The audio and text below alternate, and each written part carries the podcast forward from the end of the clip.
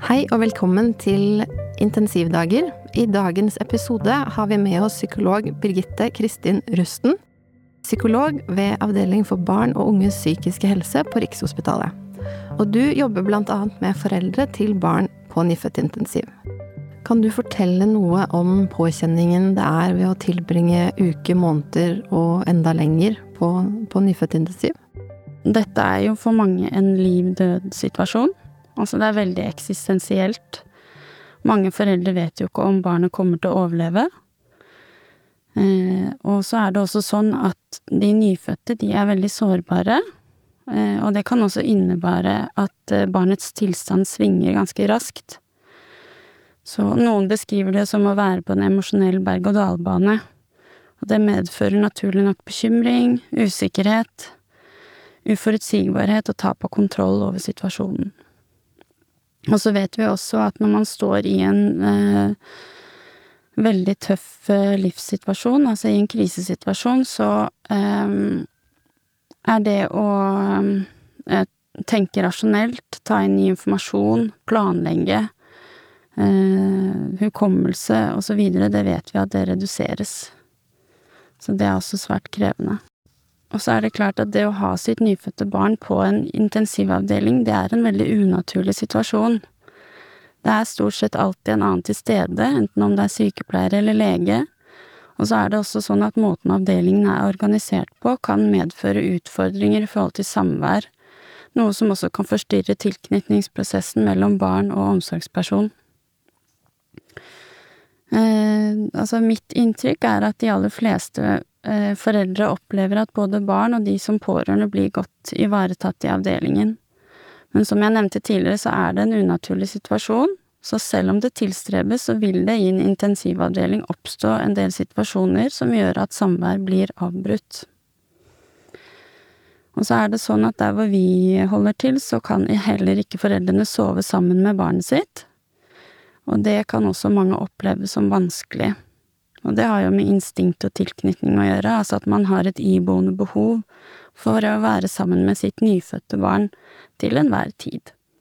Og slik avdelingen er organisert på i dag, så er ikke det mulig. Mm. Og så er det også eh, noen av disse små pasientene som har eldre søsken, og det er jo også en, en svært krevende utfordring for foreldre når man da har et eldre søsken som også må ivaretas i denne vanskelige situasjonen. Ja, og der er det jo også eh, periodevis eh, slik at eh, søsken ikke får komme inn på avdeling. Så, så de blir Ja, de, de, får jo ikke vært en del av det. Kan, gir du noen tips eller råd i sånne situasjoner? Ja, vi gjør ofte det. Altså, vi Eh, noen har jo søsken som er langt unna eh, avdelingen og sykehuset, sånn at vi pleier ofte å anbefale at eh, søsken etter hvert kommer inn på besøk. Og i perioder, sånn som når det er RS-sesong og sånn, så er det ganske strengt da i forhold til hvem som får komme inn og sånn, men, men det går an å gjøre, gjøre det til en ganske ok opplevelse for både søsken og foreldre. Eh, vi pleier ofte å eh, anbefale at foreldrene tar med i hvert fall storebror eller storesøster, eh, sånn at de kan vise akkurat hvor det er pasienten ligger. Ikke sant? Der inne er lillebror. Der er han å bli tatt godt vare på. Mm. Eh, og at man også passer på at de får gode opplevelser når de er inne på sykehuset. Om det er en spesiell lekeplass som er kul å utforske, om det er å gå og spise is, om det Ja, finne på ting, ha gode opplevelser, som man kan snakke om etterpå. Mm. Så det, det, er viktig, og så er det også noe med å Hvis det er sånn at det er mulig for søsken å komme inn og hilse på, så er det også fint å forberede de litt på hvordan lillebror eller lillesøster ser ut, og også litt hva slags type utstyr og sånn som er rundt, da, for at, at de skal være litt forberedt på hva som møter de. Mm. Det er jo i seg selv en ganske omveltende hendelse å få et eh, friskt barn og kastes inn i en ny tilværelse som foreldre. Men så er det da denne situasjonen, eh, og denne starten eh, på å få et nytt barn og, å bli foreldre. Har du noen gode råd til hva man kan gjøre for seg selv og, og sin partner? Ja, altså, det å bli foreldre, det innebærer en overgangsfase. Og det kan jo gjøre at man er mer sårbar som menneske. Og når starten av denne fasen er på et sykehus, så er det så klart ekstra tøft. Man kommer inn i denne unntakstilstanden med ulike personlige egenskaper og erfaringer, det kan jo også bety at man vil reagere litt forskjellig i ulike situasjoner, og at man også vil mestre situasjonen på ulikt vis. Og for noen så kan jo fysisk aktivitet være en måte å håndtere stress på, for andre er det strikking eller en god eh, Netflix-serie. Eh, og så er det også sånn at noen trenger kanskje å ha mer kontakt med nettverket rundt, mens andre har kanskje behov for å være litt alene. Så jeg tenker at et råd kan jo derfor være å gi din partner rom til å mestre situasjonen på sin egen måte. Så er det jo sånn at det, det du trenger, betyr ikke at, eh, at, det er det samme for, den, for din partner. Sånn at det er noe med å være åpen med hverandre, og også hjelpe hverandre med å ta pauser, for det er ikke alltid så lett. Kanskje, kanskje du ser at partneren din er ekstra sliten en dag, da er det noe med å hjelpe han eller hun ut, ikke sant, med å ta, ta, ta gode pauser. Mm. Og så er det også sånn at når man står i en veldig krevende eh, livssituasjon, så gjør jo det også at man har mindre å gå på, ikke sant. Um, man kanskje kjenner seg litt hudløs, som at man er litt uten rustning. Man blir kanskje fortere sint, fortere lei seg, fortere frustrert. Og da er det noe med å tenke at det handler ikke om meg, det handler ikke om partneren min, men det handler om den situasjonen vi står i. Og så er det også noe med å prøve å finne litt tid til hverandre, da, i den nye hverdagen på sykehuset. Er det noe dere pleide å gjøre før alt dette skjedde? Hadde dere faste tacokvelder, for eksempel? Kan dere gå ut en tur? Dra på kino? Spise? Hva er det dere har likt før dere kom hit? Det er noe med å liksom finne måter å hente seg litt inn på. Og så tenker jeg også at det er viktig å le. Vi vet jo det at latter og humor, det er en buffer mot det som er tøft og vanskelig. Du var jo så vidt inne på det, tror jeg, sånn at noen par håndterer en sånn krise veldig forskjellig. Ehm, kan du fortelle noe om hvordan du da samler dem? Når eh, jeg møter foreldre, eh, vi har ofte felles samtale først. Mange ønsker jo det. Eh, og syns det er fint å komme og, og, snakke litt sammen, at det er liksom et eget rom, man kan ha litt fokus på hva som skjer både mellom dem, men også som, som den lille nye familien. Og så er det sånn at eh, hvis det har oppstått en krise, så snakker jeg gjerne litt om kriser, og så forteller jeg litt om hva som er vanlige reaksjoner eh, på kriser. Um, og jeg normaliserer at man kan reagere nokså ulikt i en krisesituasjon. Så noen Noen kan nesten sånn gå i sånn kampmodus, mens andre vil bare rømme. Og så har du de igjen som blir helt sånn numne og føler at man fryser fast og ikke klarer å bevege seg. Og så er det også noe med at uh, vi som mennesker har forskjellige måter å håndtere det vanskelig på.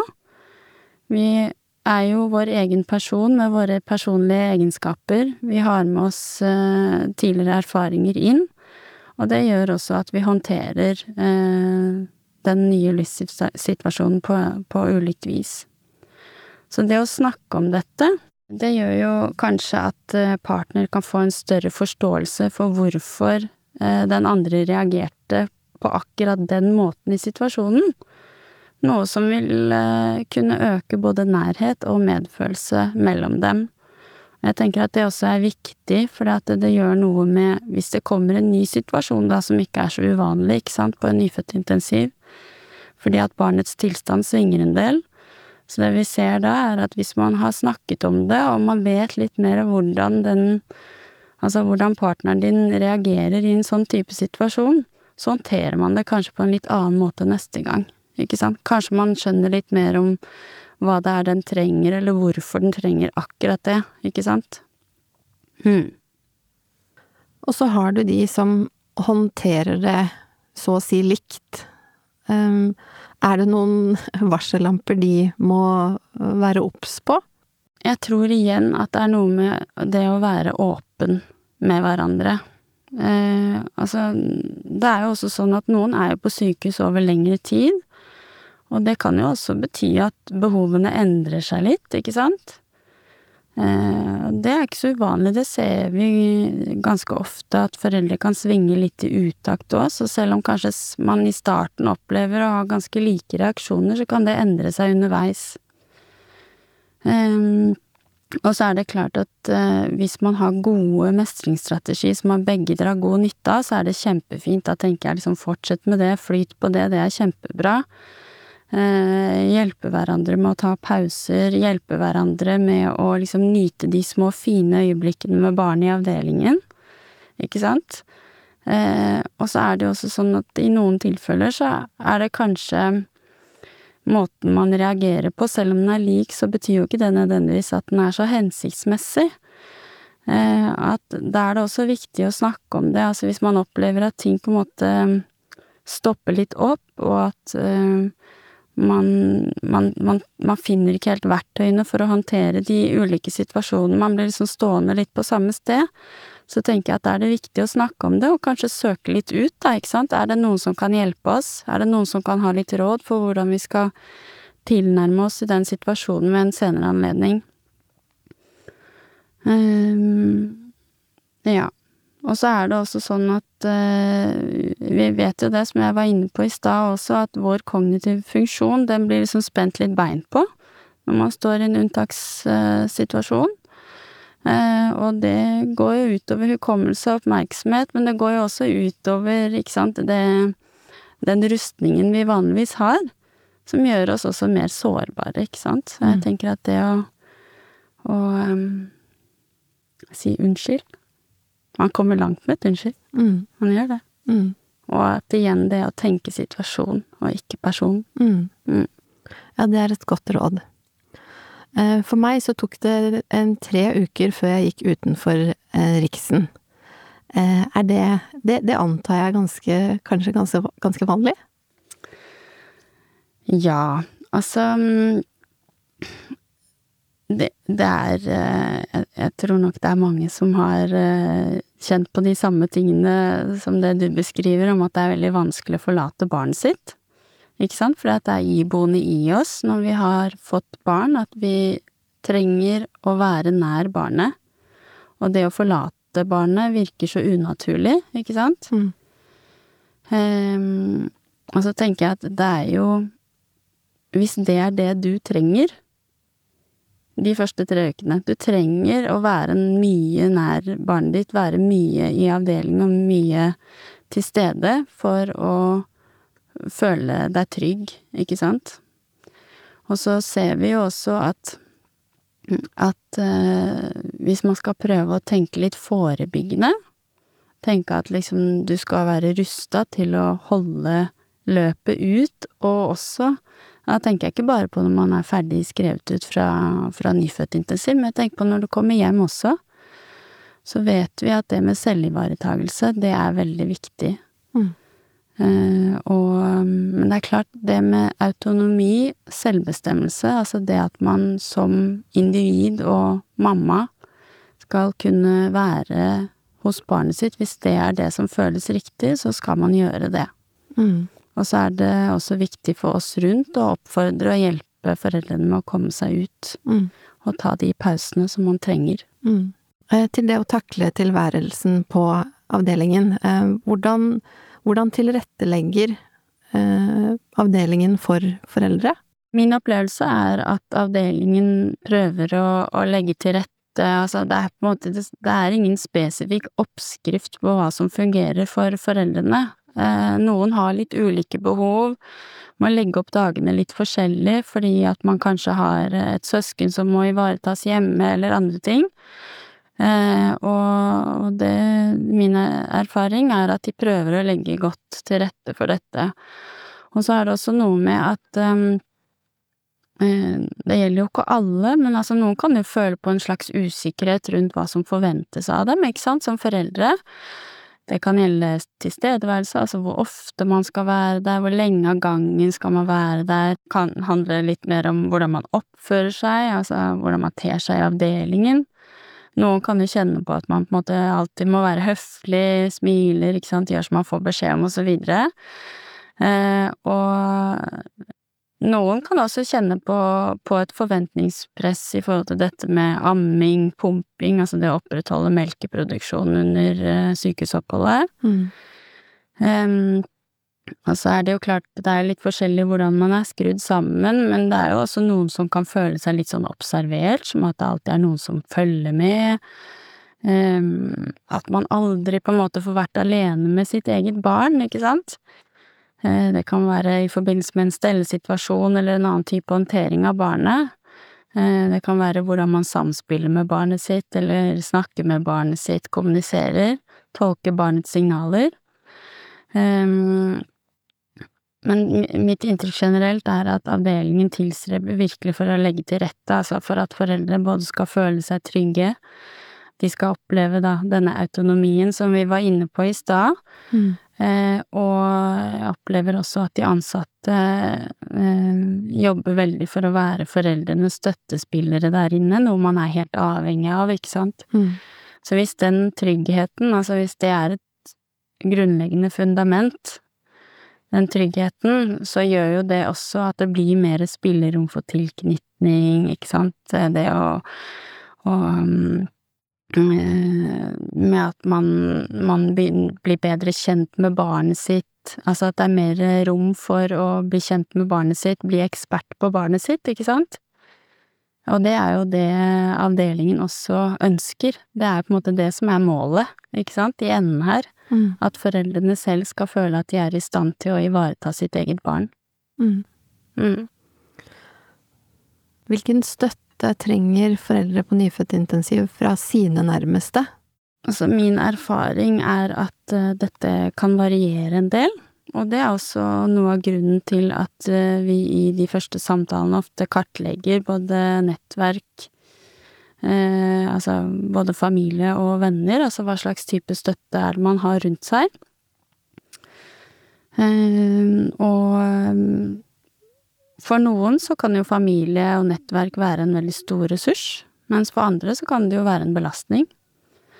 Så noen har jo kanskje et nært forhold til sin familie og vil dra god nytte av støtte, altså det kan jo være at det er faste vakter, der en bestefar, bestemor eller en onkel øh, eller en tante sitter med barnet i kenguru, sånn at mor og far får seg en tur ut og lufte seg litt, ta en pause, kanskje dra på butikken, gjøre helt andre ting, uten å kunne kjenne på den åh, nå er hun alene, ikke sant? Mm. Det å vite at det er noen andre du stoler på som er der og tar vare på barnet ditt, det kan hjelpe.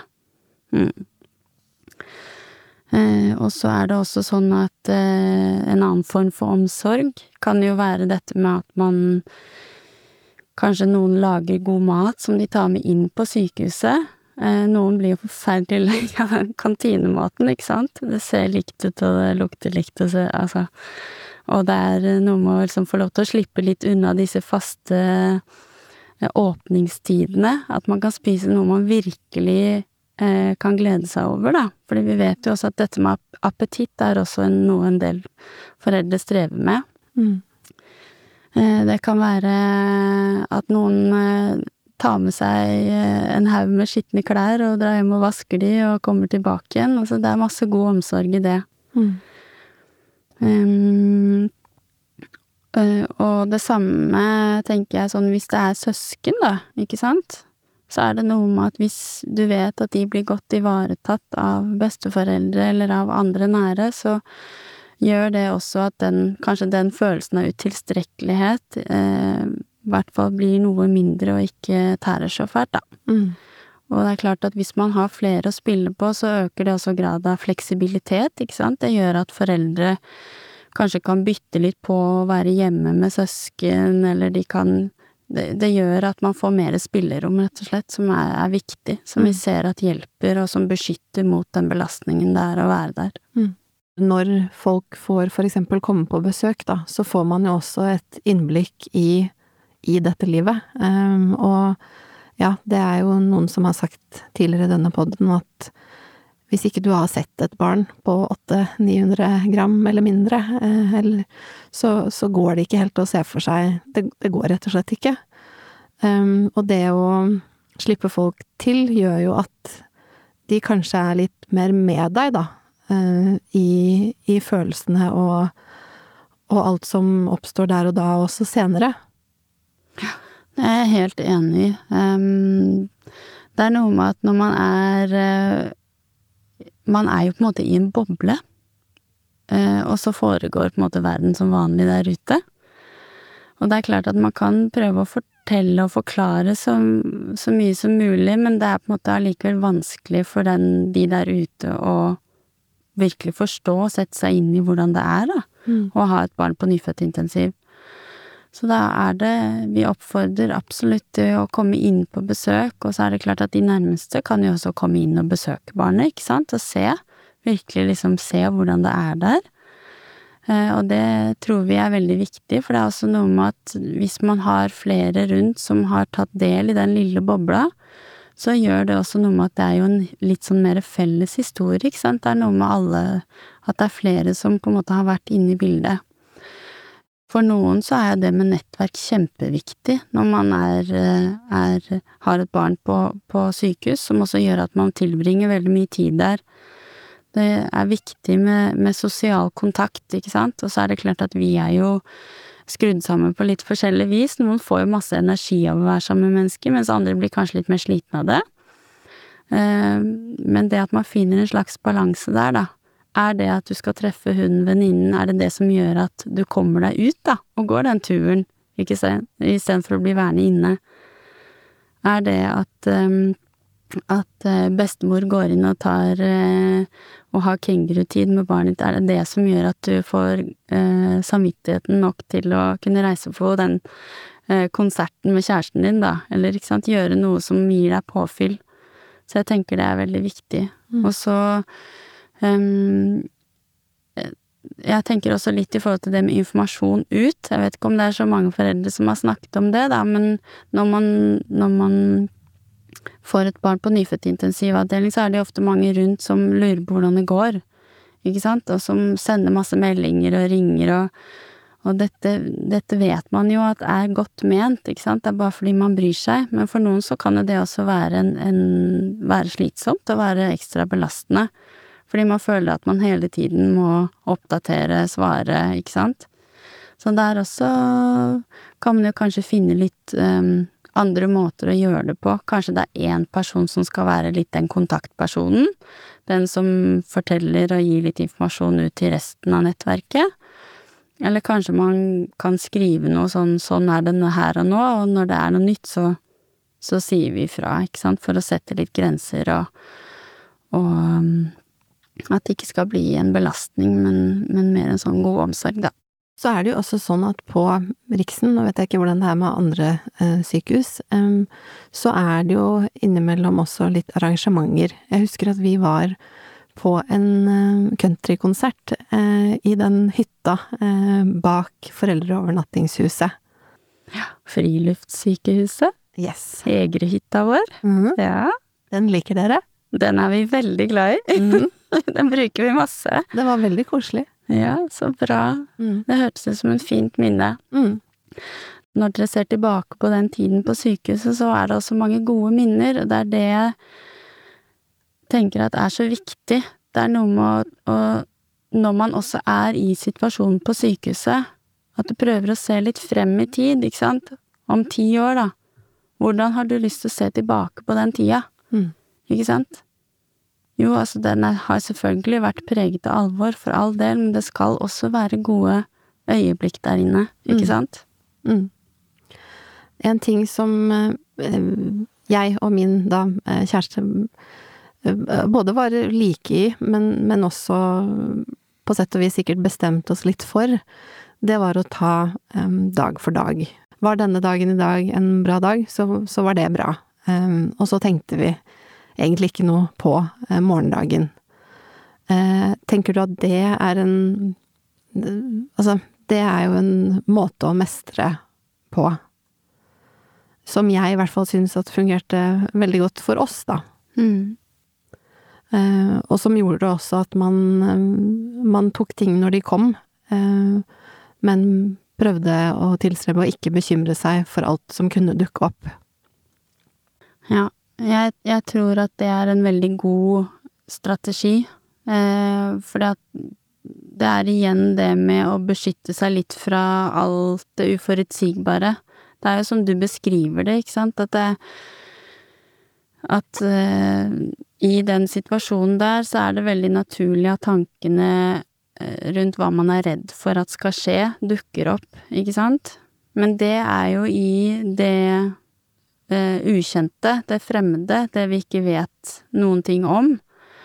Sånn at det å gå rundt og bekymre seg for noe vi ikke vet om kommer til å skje, det betyr jo også at man egentlig bruker masse energi på noe som kanskje ikke kommer til å skje, Mm. ikke sant? Og så mister man kanskje litt fokus på det som skjer her og nå, da, ikke sant, som er så viktig. Mm. Og det er også noe av det som er um, fokus i, i samtalene hos oss også. At vi prøver å selvfølgelig utforske litt hva man er redd for, og også utforske litt hva det er eh, som man kver... Altså som man grubler over, altså ting som allerede har skjedd. Og samtidig gi foreldrene verktøy, ikke sant, for hvordan hjelpe med å være mest mulig i det som skjer her og nå. Mm. For det er jo der barnet ditt er, ikke sant? Mm. Barnet ditt er her og nå. Så hvis du jeg tenker i forhold til tilknytning og sånt også, det er noe med liksom Du må åpne deg for der barnet ditt er. Mm. Har barnet ditt en god dag, så skal du ha en god dag også, ikke sant? Og så svinger man jo ofte litt i takt med barnet sitt. Har barnet ditt en dårlig dag, så har ofte du en dårlig dag òg. Ikke sant? Men det er veldig dumt å ha en dårlig dag når barnet ditt har en god dag. Mm. Absolutt. Da skal man jo bruke det øyeblikket til å bli bedre kjent, ikke sant? Mm, og, ny og nyte. Mm. Ja.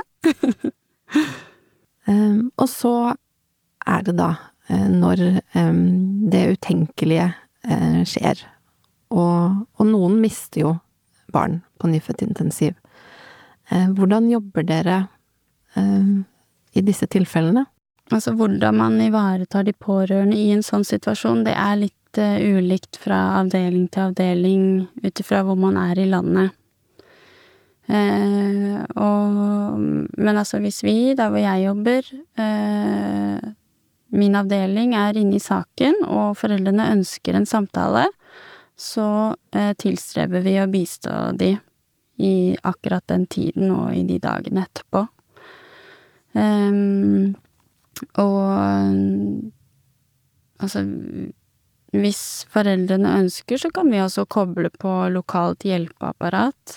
Eh, det kan jo være godt at, at noen tar kontakt med deg også når du kommer hjem, ikke sant, ikke bare når du er på sykehuset, men at det er noen som ser deg, og som sjekker inn og er der hvis du trenger det. Um, og så er det klart at um, vi anbefaler ofte foreldre å takke ja til de tilbudene de får, og så kan de heller si nei hvis de merker at de ikke trenger det eller ikke ønsker det. Em, men for eksempel så kan vi koble på et psykososialt kriseteam som skal ivareta både deg som foreldre, men hvis det er søsken eller andre pårørende også, og som skal være en støtte, og som kan være en støtte over lengre tid. Em, og så er det også sånn at eh, em, de har jo en del eh, rettigheter som også gås igjennom med de eh, på sykehuset. Og hvis de ønsker at vi er der, eh, så passer vi på at vi er, er tilgjengelige og sjekker innom de eh, gjennom dagen og, og i den tida etterpå. Mm. Um, og så er det også sånn at uh, i de aller fleste situasjoner så har foreldre krav på seks ukers pleiepenger, som løper da fra, fra barnets død. Og, og vi pleier også ofte å, å tilby å ringe fastlege, hvis de ønsker det, for å fortelle litt om situasjonen. Nå er det jo sånn at fastlegen til mor får jo vite automatisk hva som har skjedd, fordi at barnet da eh, også vil ha eh, samme fastlege, men fastlegen til far får ikke det. Så da, da pleier vi ofte å ringe og gi beskjed, og også fortelle litt om at i denne situasjonen her så kan det være at én uh, ønsker å gå tilbake til jobb igjen før de seks ukene har gått, men det kan også være at noen trenger å være hjemme lenger, at man ikke føler seg klar for jobb ennå. Mm. Det er veldig ulikt. Um, og vi snakker også ofte litt om sorg, og um, at sorgen også kan se litt ulik ut og oppleves ulikt, kan gå i ulike faser, man kan hoppe litt frem og tilbake og også dette med at vi vet at, at, for de aller fleste som mister et barn, så betyr det også at den naturlige sorgprosessen er lenger enn når man mister andre nære. Mm. Ja. Så det er litt sånn vi, vi, jobber med. Jeg tenker at det viktigste er at det er noen som er der når du kommer hjem. Mm. Mm. Og at, uh, at um, man takker ja til de tilbudene man får, og så kan man heller si nei senere. Det er jo Man får tilbud om ettersamtale på sykehuset med lege som har fulgt eh, barnet. Eh, man får tilbud om eh, sorgstøttegrupper, altså hvor man kan møte andre foreldre som også har mistet et barn. Eh, og det vet vi også kan, kan være fint, å få støtte fra andre som er i litt lignende situasjon som deg selv. Eh, og så er det også sånn at eh, at hvis på en måte sorgen tar en form som er mer uhensiktsmessig og destruktiv, så kan man også få henvisning til en mer altså en sorgpoliklinikk, da, som, som ligger på Ahus, blant annet, hvor mm. man mer skreddersyr oppfølging og tilbyr både parsamtaler, individuelle samtaler og gruppesamtaler. Og så er det jo også flere gode støtteforeninger som man også kan ta kontakt med. Mm. Mm. mm. Ja. ja, der er det vel blant annet Landsforeningen for uventet barnedød. Mm. Mm. Det er det. Ja. Så Men det er klart at det er jo litt uh, variasjon hva som, som um, finnes av tilbud rundt om i landet. Det er det. Mm. Men de aller fleste har i hvert fall noen. Altså det er jo ofte at helsestasjonen får beskjed, og da kan en jordmor for eksempel som har fulgt deg litt under svangerskapet, jeg pleier ofte å tilby en nettsamtale der. Mm. Mm. Så Men ja varierer litt. Hvis vi snakker litt om dette med altså selve fødselen, for den kan jo fort oppstå raskt eh, og akutt.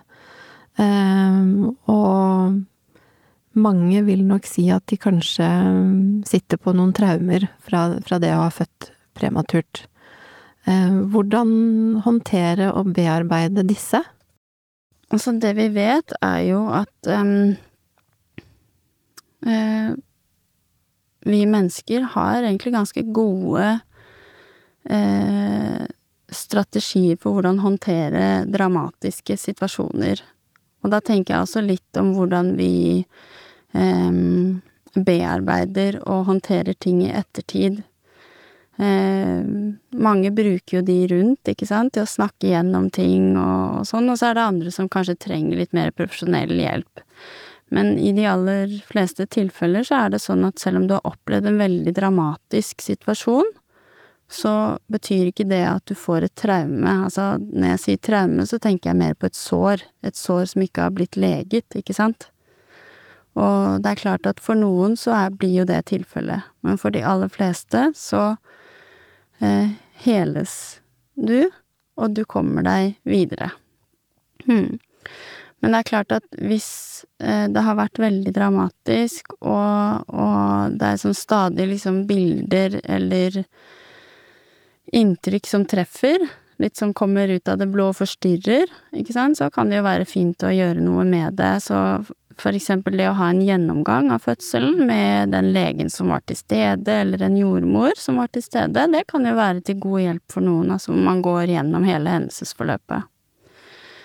Um, og det er jo også litt fordi at uh, man kan, kan kanskje at, ha en følelse av at ting er litt kaotisk, at ting ikke henger sammen, så for å få en slags opplevelse av sammenheng, så er det fint å ha en ordentlig gjennomgang. Da er det helt sikkert vært ting du ikke har klart å få med deg, nettopp fordi at du er i fødsel, ikke sant, eller det kan ha vært ting partner har fått med deg som du ikke har fått med deg, og omvendt. Så det er, tenker jeg også at kan være fint litt i forhold til parforholdet, altså det at man har en slags felles historie rundt det som har skjedd, ikke sant? Sånn at det som var, altså fortid, henger bedre sammen med det som er, ikke sant? Mm. Mm. Og så eh, Det å bruke de rundt deg, altså snakke med de rundt deg, som kan gi god støtte, og, og være, være, en trygghet. Eh, og så er det igjen dette med egenomsorg mange kan jo føle seg kanskje ekstra sårbare i starten. For at uh, hvis kroppen din er i veldig dårlig form, så påvirker det også hvordan, hvordan du har det mentalt. Altså disse tingene henger jo sammen. Vi må tenke hele mennesket. Mm. Biopsykososialt, som vi er opptatt av, som er en sånn type tilnærming hvor man uh, uh, ser at disse tingene her påvirker hverandre gjensidig. Så det å gi seg selv litt tid til å hente seg inn igjen er viktig. Det er også litt ut ifra situasjonen man står i, altså når man, det er litt som du var inne på i stad, at når man har et barn som er innlagt på nyfødtintensiv, så innebærer det ofte at det er mye som skjer. Det er mange inntrykk, og fokuset blir ofte på barnet, ikke sant, naturlig nok. Eh, og så er det fordi at man også er i en ganske sånn presset situasjon, så har vi litt redusert kognitiv kapasitet. Eh, sånn at eh, det holder på en måte mer enn nok å prøve å håndtere den situasjonen man står i, ikke mm. sant? Mm.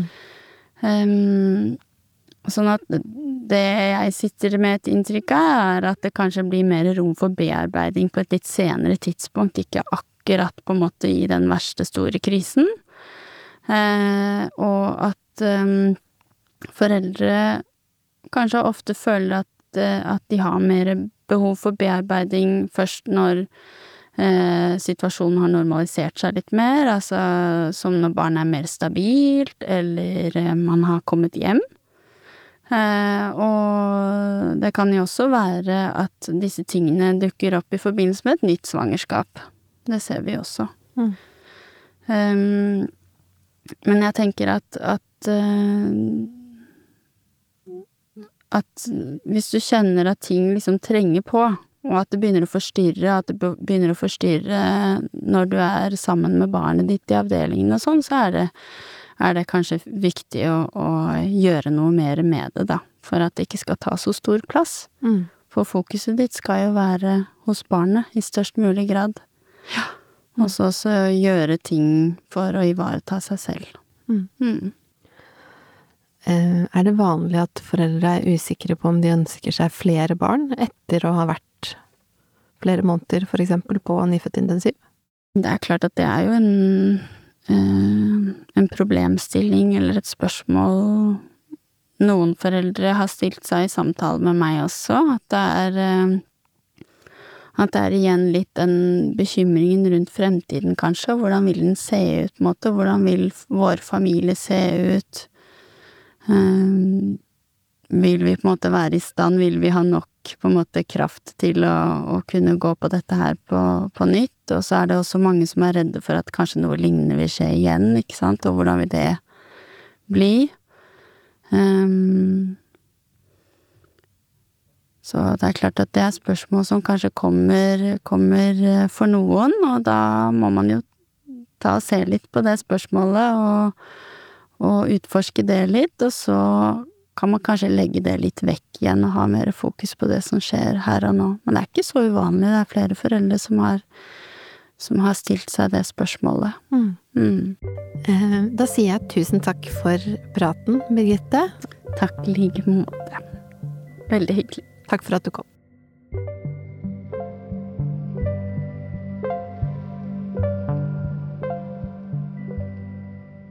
Takk til Prematurforeningen, som er samarbeidspartner for intensivdager. Vrang Produksjon er produsent. Takk til Stiftelsen DAM. Mitt navn er Elen Kristvik.